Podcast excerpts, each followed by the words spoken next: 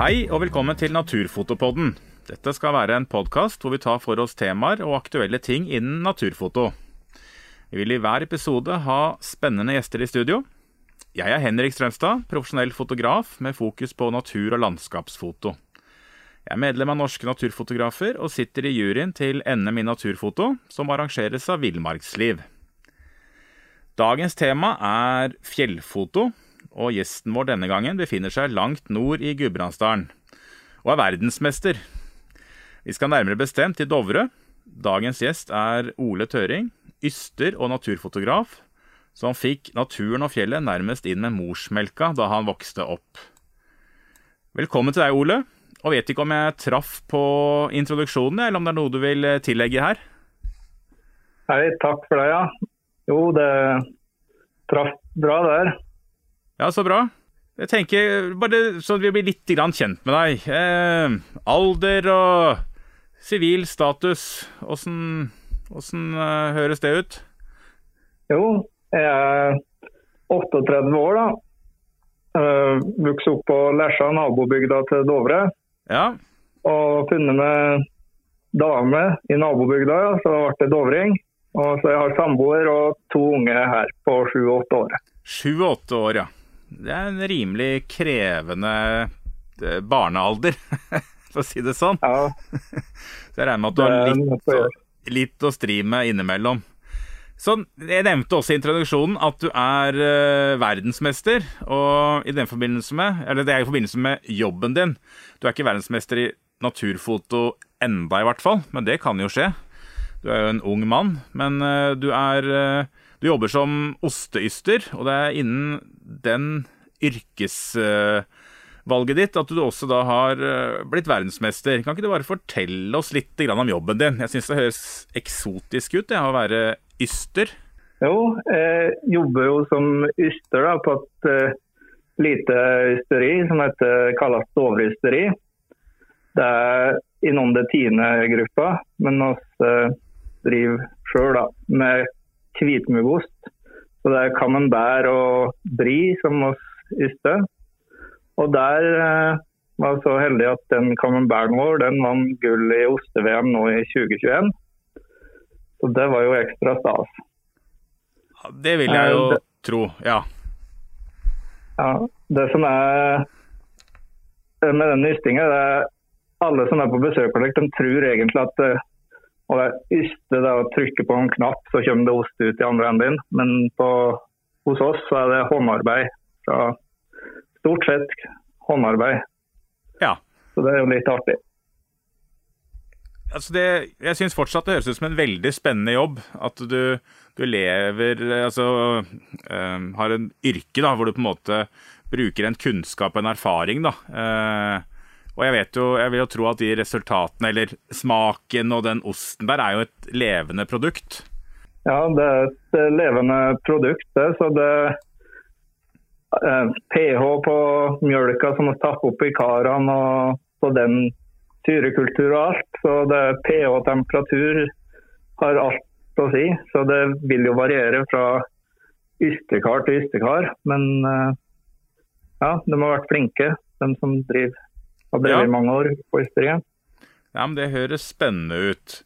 Og jeg vet jo da også at når du ikke driver med sånn yster, så elsker du å være på fjellet. og du har eh, som oftest med deg kamera. Og jeg vet jo at dere har en hytte eh, i området ved Grønbakken.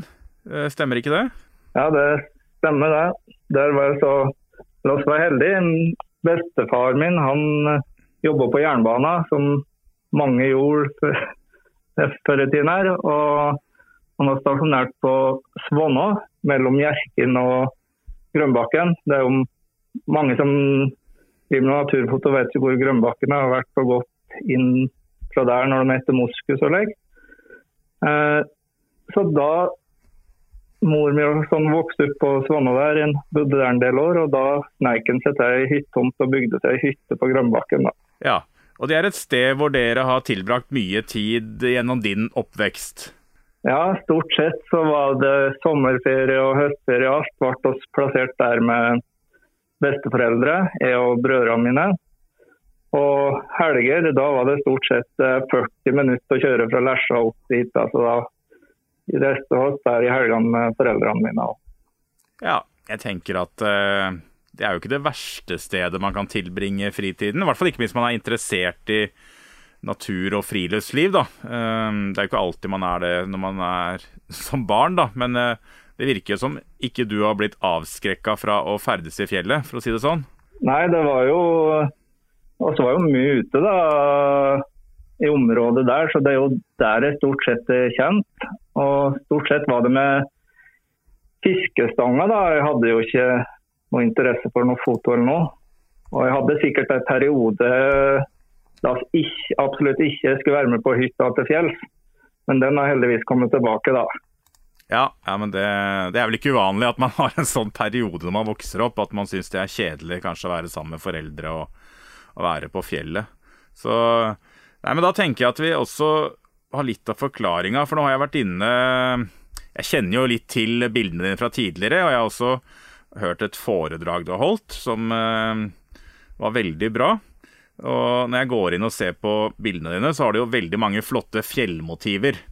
Eh, og det er jo fjellmotiver med dyr og fugler i miljø. Veldig gjennomgående flotte miljøbilder. Eh, og noe annet som er gjennomgående med bildene dine, syns jeg, er at du ikke lar deg friste til å dra masse i spakene, som en del gjør. Eh, og du har liksom ikke et eneste bilde som jeg føler at det er kunstig. At du ikke, selv ikke motlysbildene dine Eller selv motlysbildene fremstår som naturlig, da. Det er jo mange bare drar på med masse farge og oransje fargetoner.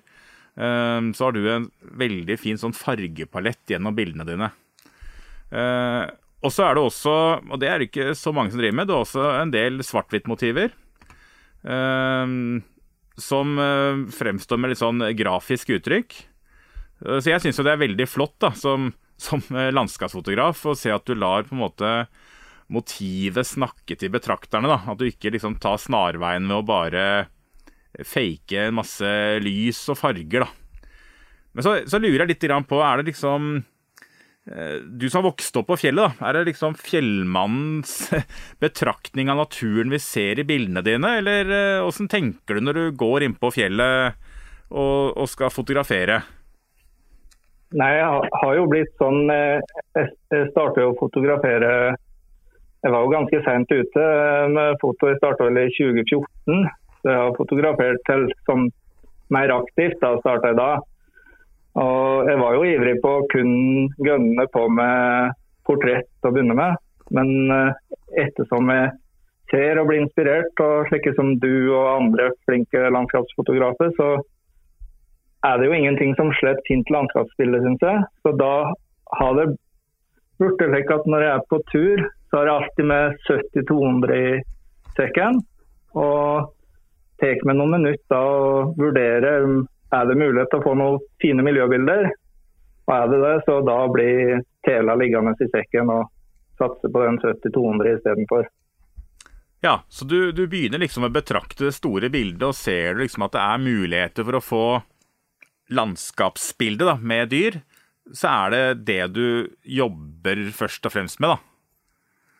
Ja, jeg prøver i så fall så godt jeg kan på det. Nå føler jeg jo at en blir flinkere og flinkere med årene til å se litt komposisjoner og ja, hva som kan funke. Uh, så prøve så godt jeg kan, da. Og jeg er jo utrolig fascinert av miljøbilder. Ja, jeg, jeg syns det er veldig flott. og uh, jeg ser jo, Du sier at du starta med foto eller sånn litt ordentlig i 2014. Um, og så tar det litt tid på en måte å bygge seg opp det der blikket ikke å lære seg komposisjon. Eh, så jeg tenker jo at du har jo kommet veldig langt da, eh, på forholdsvis kort tid. Eh, og kommet opp på et høyt nivå. Og jeg ser også du har liksom veldig, du har en veldig spennvidde. altså det er reinsdyr og moskus, så klart. da, Vandrefalk, ugle, ryper, orrfugl, fjellrev, rødrev, hare. Og i alle bildene så er det en liten er det en rød tråd, altså. Den der signaturen din, og mye av signaturen er at du har med miljø. Og ikke minst der, eh, den fargepaletten. da, Den naturlige, fine fargepaletten er veldig behagelig å se på. Så det der må du videreføre. Så det, det, er viktig at du tar vare på. Takk for det. Jeg prøver. Jeg blir jo utrolig inspirert da når jeg ser på bilder fra flinke folk. og så prøve å ta lærdom og bli flinkere til å tenke over hva jeg tar bilde av, i stedet for å bare knipse. Ja, for det, det, er, det, er, jo litt viktig også, da, for det er litt kjedelig å komme hjem.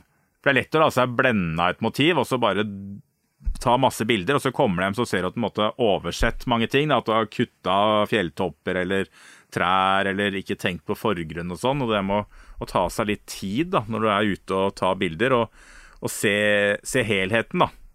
For det, det, er jo ikke alt man kan gjøre i etterkant. Har du kutta noe, så har du kutta noe. Da, det får du ikke tilbake i bildet. Så, men jeg lurer også på hvor mye planlegger du fototurer og bilder? Eh, eller bare kaste Du bor jo nære fjellet, eller bare kaster deg rundt når du ser at eh, forholdene er de rette?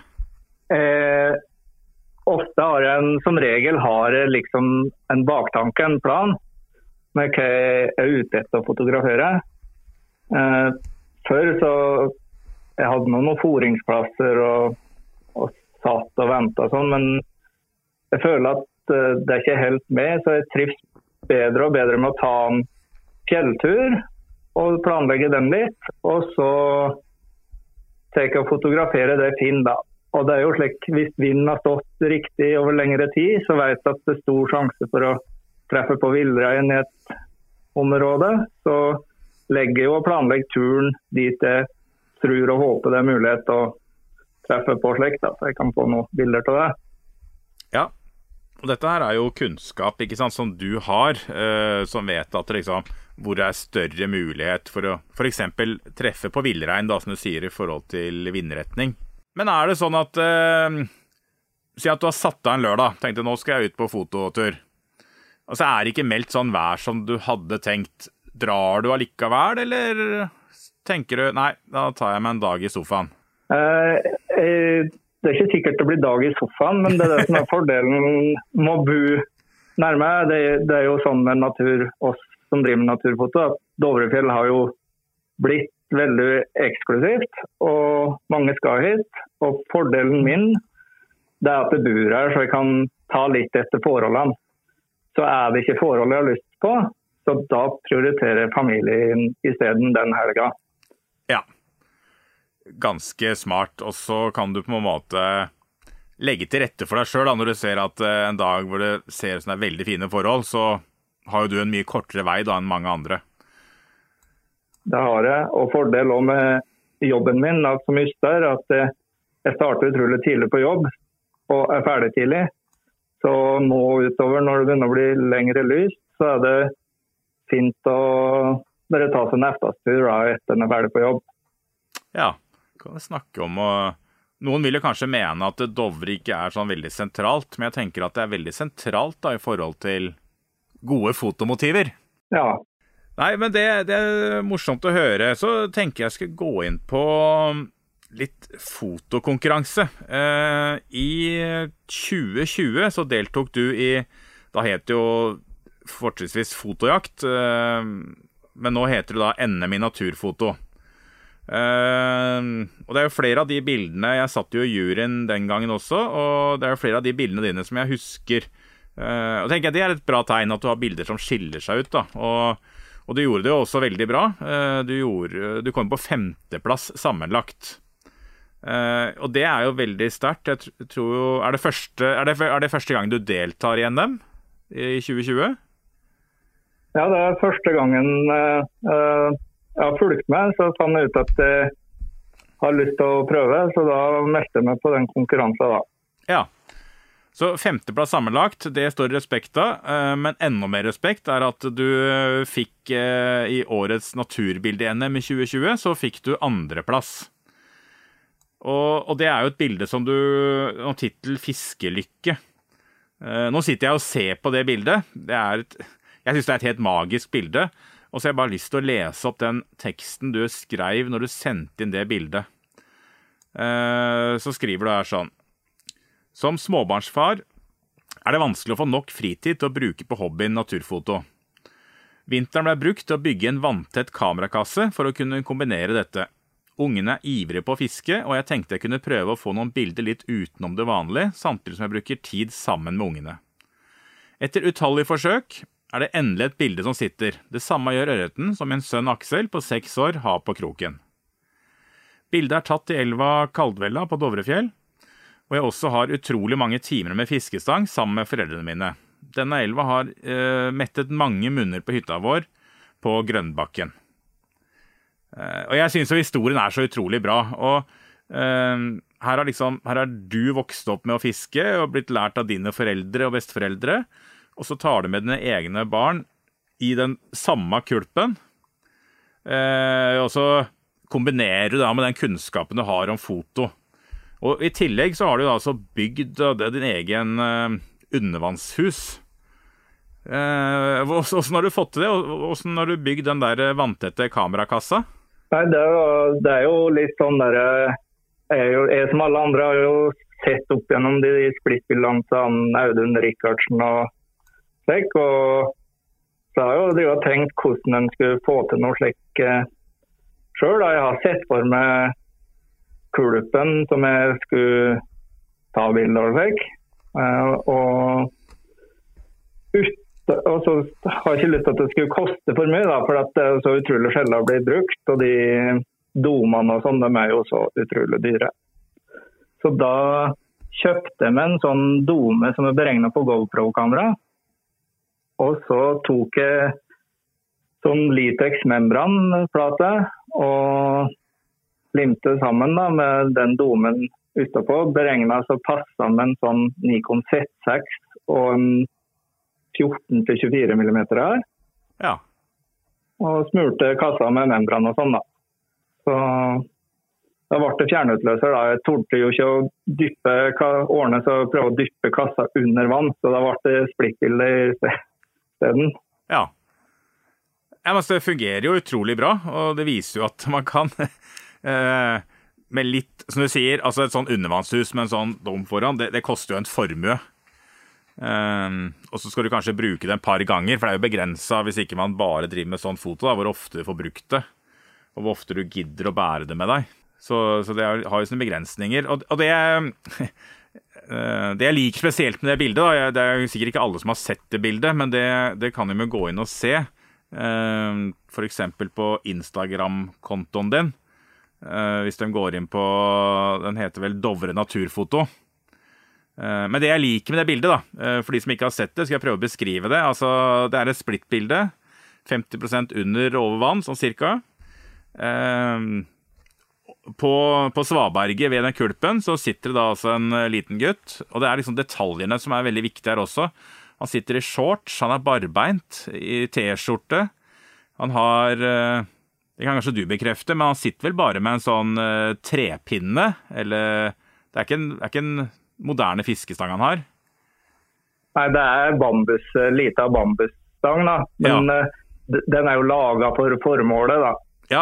Jo, men altså, det, det gjør liksom og så har han, har han, fisk på kroken. Og det som også er litt kult, da, for jeg har jo sett en del splittbilder, og ofte så er de litt sånn uh, fremstår som proffe. da, ikke sant? Det er veldig stor ørret på kroken, eller laks. Uh, folka står kanskje i vadebukser og fiskevest.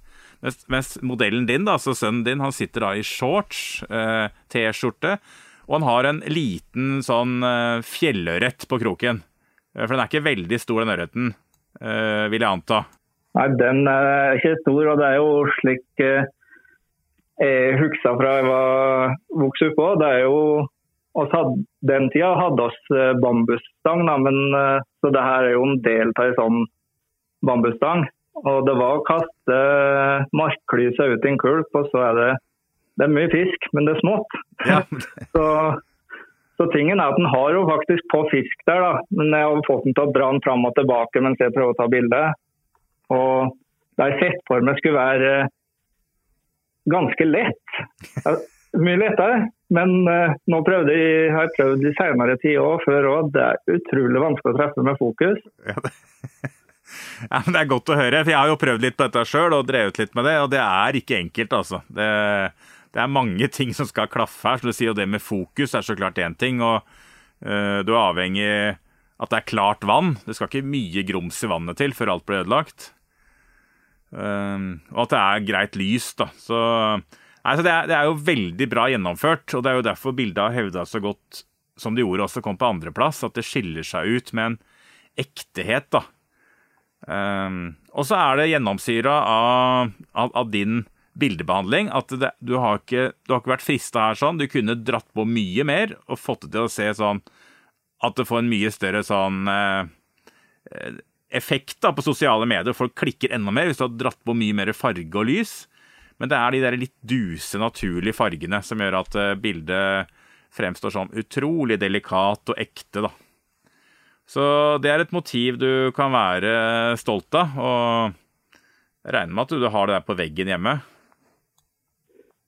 Jeg har eh, ikke det foreløpig. Jeg, jeg er for dårlig til å printe bilder og ha på veggen men jeg skulle jo hatt det siden det er sønnen min og et barndomsminne der jeg fiska sjøl. Altså, er det jo absolutt et motiv jeg burde ha i så fall på hytta på veggen. Ja, men det er jo ikke for seint ennå. Så det Langt ifra. men eh, jeg tenker, du, du, nevnte du har jo to barn. Småbarnsfar. Eh, de er i en veldig aktiv periode. Eh, så har du sagt litt om at du jobber ganske tidlig, men åssen jeg regner med at du ikke får nok tid til naturfoto, men hvordan klarer du å få tid i det hele tatt til å, å stikke til fjells aleine med kamera? Eh, det er en utfordring. da, så Jeg er jo misunnelig på alle når jeg ser det kommer fotografer her som er ei uke i strekk å fotografere. Det kunne jeg aldri fått til.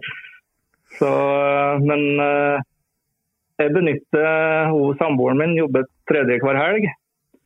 Og da prøver jeg å få i så fall eh, ei helg imellom der til å fotografere i, og fjelltur, i tillegg til at jeg er flink til å benytte meg av eftesturer, da.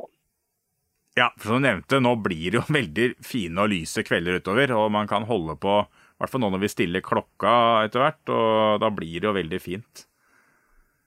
Så, men jeg lurer også på, er du, er du like altså, aktiv eller eh, ivrig på å komme deg ut hele året, eller har du noen favorittårstider som du bruker litt mer tid på til foto enn andre? Jeg er jo alltid vært utrolig glad i vinter, da, slik fotomessig. Eh, og sommer egentlig høsten. Så midt på sommeren, det er som den perioden Det er ikke så utrolig mye som Jeg kjenner ikke på det jaget. Eh, etter hvert da, som fotointeresse har blitt større og større, så er jo vår nå er jo fantastisk da når trekkfuglene kommer og, og det våkner til liv. Ja. Så, men eh, det er vinteren jeg er mest fascinert på, da. Ja. Nei, men da, Sånn sett er vi ganske like. For på sommeren er vel den tiden også jeg er klart minst aktiv. altså Hvor jeg på en måte kan slappe av. altså Det er stygt å si at man blir stressa av foto, men deler av året, når det er fint lys, så, jo, så, må jeg på en måte ut. Altså jeg kjenner jeg liksom skulle så gjerne vært ute når det er det fine lyset på vinteren, da.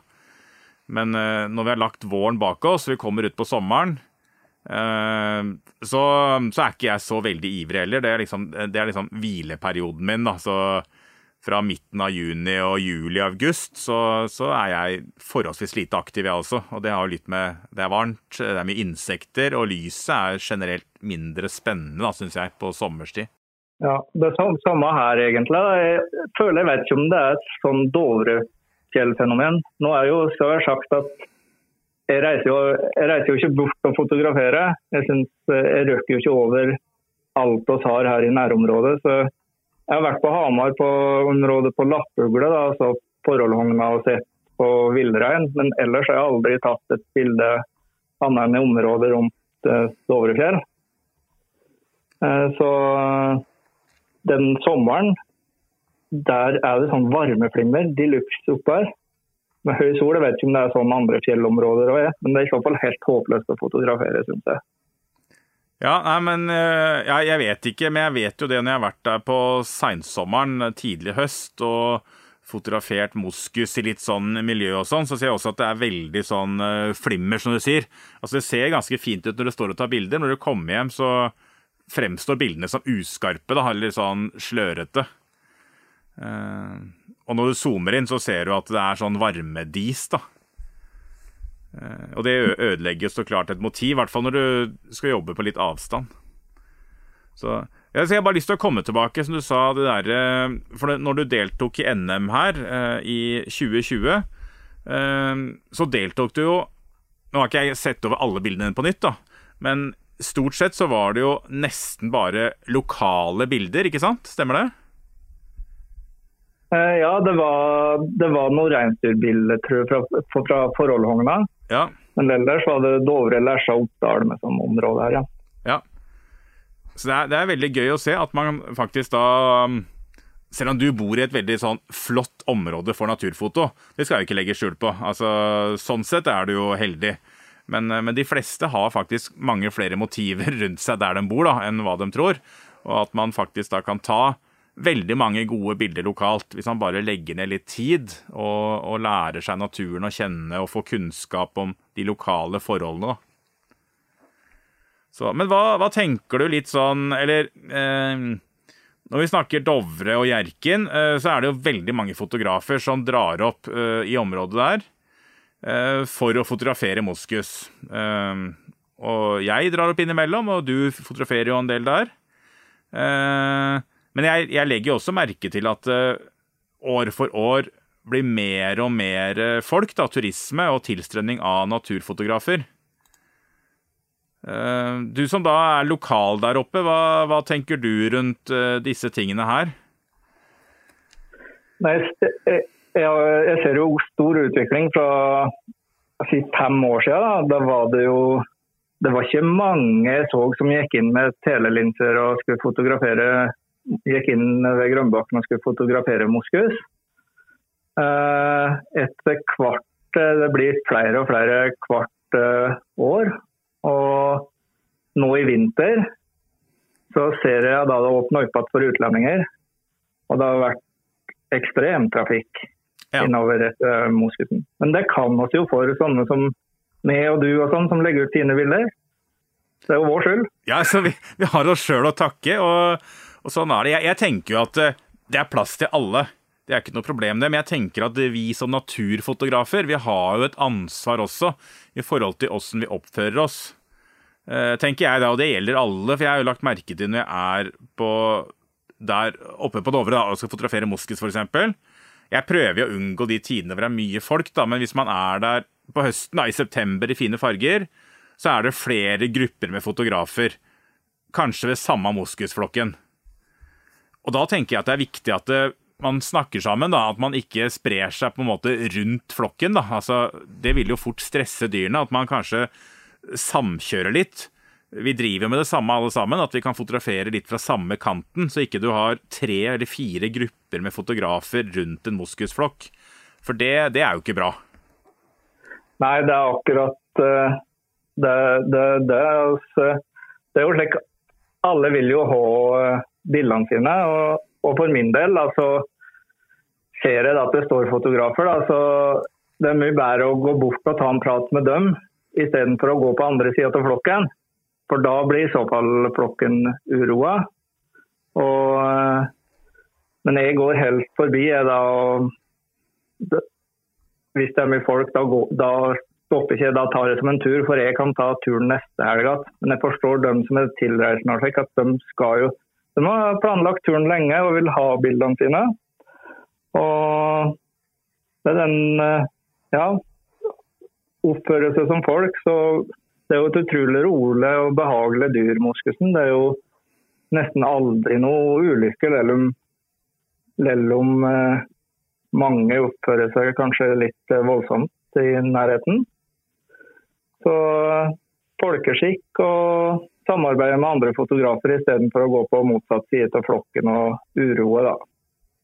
Ja, nei, men Det er jeg helt enig. For det som kanskje tenker jeg er litt spesielt med det som skiller vi som driver med naturfoto, da, og de som er inne som er vanlige turister som bare skal se på moskusen. Jeg tror at det vanlige betraktere da, de nøyer seg med å sitte og kikke på moskusen mens de spiser lunsj en halvtime eller time. liksom, Sitte litt med kikkerten og holde på. Mens vi som driver med naturfoto, da, vi holder gjerne på helt til eh, solnedgang, på en måte. Altså, vi, vi er aldri fornøyd med lyset, aldri fornøyd med vinkelen. Eh, så vi holder oss jo i området med, med dyr lenger, da. Og gjør også at man kan på en måte gjøre litt skade ved å, å gå for tett på, eller å presse den fra flere kanter. Da. For det, det, tenker jeg kanskje, det har jeg sett noen ganger, og det, det syns jeg ikke er særlig bra. Og da tenker jeg også det er veldig viktig at når moskusen Den bruker ganske mye tid av døgnet på å hvile. At når de legger seg ned og skal ha seg en hvil, at man da ikke går nærmere dyra, og kanskje man da også kan ta seg hvil som fotograf, tenker jeg da. Trekke seg litt unna og så dra fram matpakka. Ja, jeg er helt enig. Og, og det er nok helt sikkert eh, i mine øyne sånn du har en heitelse, en 200 meters eh, avstand da, når du går fra moskus. Men alle som fotograferer vet at du får ikke noe eh, bilder du er fornøyd med på 200 meter. Det er i så fall uhyre sjeldent. Eh, men det er, i mitt syn er det ikke problem for enkeltfotograf å gå nærmere. Men problemet som nå, da, at det er folk på dyrene, de mest tilgjengelige dyrene, da er det folk på hver dag som blir jo pressa lenger og lenger til ytterkantene.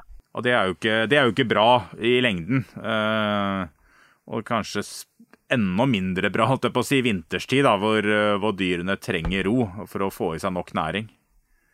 Ja, så Der er de jo utrolig flinke, de, de som driver med guiding på Dovrefjell. De firmaene der.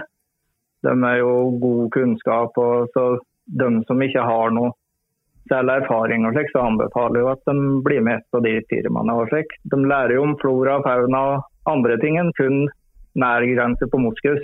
Ja, da får man mye kunnskap. Så men når du, når du, drar i fjellet altså Du nevnte i stad hvis du kommer inn til et sted hvor det er mange folk ved en moskusflokk, så går du bare videre. Men jeg bare lurer på, hva, hva har du i sekken av fotoutstyr? Hvis du Si at du skal en dag du tenker at det er litt fint lys, og nå skal jeg fotografere litt moskus. Kanskje, man, kanskje du er heldig og ser en villrein eller en flokk. Eh, hva, hva, slags fotoutstyr, altså optikk, har du i sekken? Den bærer du Er det 20 kilo fotoutstyr i sekken, eller? Det er det som er problemet. At jeg tør aldri Jeg har en 400 mm F28 av eldre versjon, 5 kg med dynamitt. Eh, og den tør jeg ikke å legge igjen hjemme og kun gå med 70-200. Så jeg har stort sett to kamerahus og 70-200 og en 400 mm på 5 kg pluss konvertere. Ja, Så det blir noen kilo? Ja, så jeg drømmer Jeg er jo ivrig på å spare og kjøpe, men sånn 100-400 det tror jeg er et perfekt objektiv for meg å ha med i sekken istedenfor Så folk på de fjellturene istedenfor uh, den femkilosklubben. Ja. Nei, men det, det, kan jeg skrive under på, for jeg uh, bruker jo Jeg har en 100-400. Som, den er jeg veldig glad i, og den har jeg med på mange fjellturer, da. Uh, I hvert fall hvis det er sånne turer som jeg, eh, hvor jeg går på ski eller truger hvor jeg ikke har noe Kanskje ikke har spesielt mål, da. For før så har jeg ofte gått med bare vidvinkel eller en 70-200 i tillegg. Men en, men en 70-200 er ikke så veldig mye til telelinse hvis det skulle dukke opp noe spesielt, ikke sant? Um, så etter at jeg fikk den 100-400, så er det et objektiv jeg har blitt utrolig glad i. For det erstatter ikke helt den store fast-telelinsa di, men den erstatter en langt på vei, da. Ikke sant? Så du, du går liksom ikke glipp av uh, Hvis du skulle komme over en rev eller litt mindre dyr, da, så med en 200 mm, så blir jo det bare en prikk. Så jeg tenker at det er ikke noe dum investering å kjøpe seg en 100-400, selv om man ikke er så lyssterk. Men det er ikke så farlig i dag. Nei, i så fall ikke sånn som jeg som trives best på vinteren og på på de skiturene. da. Så den 428 den er jo, kunne aldri tenkt meg å bytte den ut på de leikene og slik. Åreleik og tiurleik. Men på fjellturer der jeg har tur for å ha tur og ta det som dukker opp, så ser jeg for meg en 100-400 år midt i blinken. Ja. Nei da, men det tenker jeg det kommer ikke til å angre på når du får deg en sånn i utstyret ditt. Så Men har du noen eh planer eller prosjekter uh, i nær framtid nå, eller, eller, tar du det litt som det kommer? Jeg har egentlig ikke noe større planer. da. Jeg har litt lyst til å prøve å satse litt på rype. Eh, Ja. Gjerne fjellrypa, da. Eh, Men eh, jeg har prøvd alt nå, da. Men ja, hun roer seg litt ned etter hvert, så kanskje det blir litt lettere. Ja, for det, våren er vel en, er ikke det en veldig bra altså en tid av året hvor det kan være mulig å komme litt inn på rypene? Eh, april og mai, stemmer det? Ja, jeg, erfaringsmessig så er det en mye roligere eh, da i så fall. Og jeg har jo ikke noe sånne fine miljøbilder, syns jeg, med rype. Og jeg har lyst på noe sånn Hvis en har greid å sneke seg inn på med en 70-200 på rype og fått noe fint miljø i bakgrunnen, det har vært litt drømmen, det.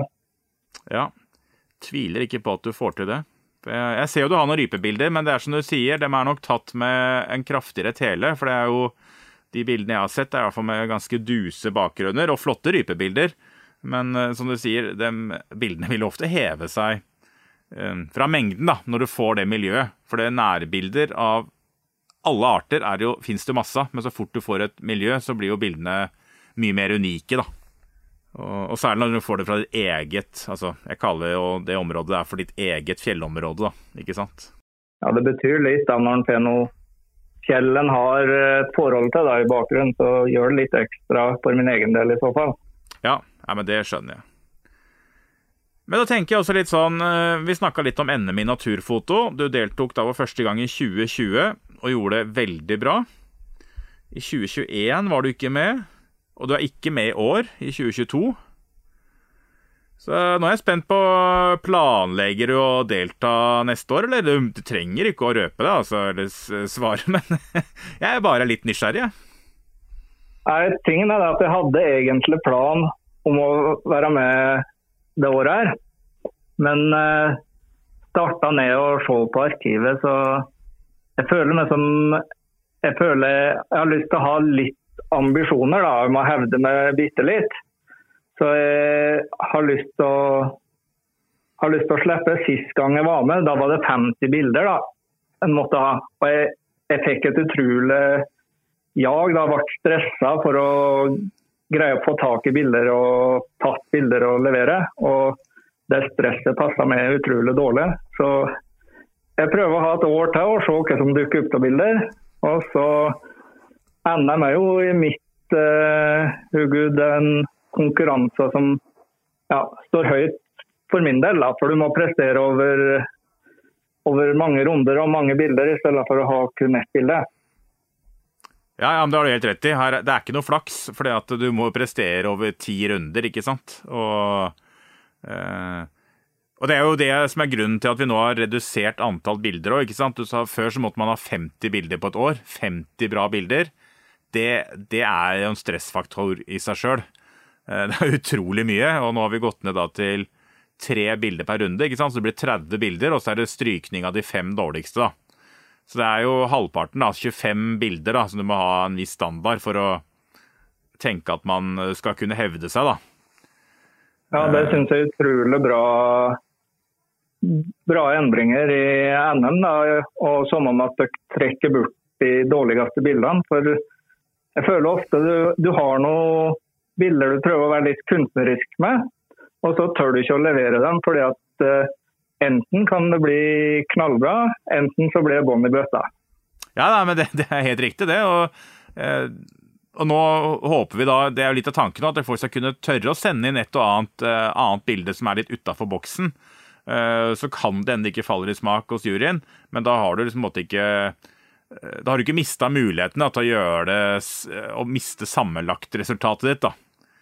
Så um, nei, det er veldig hyggelig at uh, vi får tilba gode tilbakemeldinger da, på de endringene der. sånn. Og, uh, og som du sier, jeg tror veldig mange har vært stressa opp gjennom åra med å levere 50 bra bilder. Så har du kanskje 30 når du starter sesongen. da.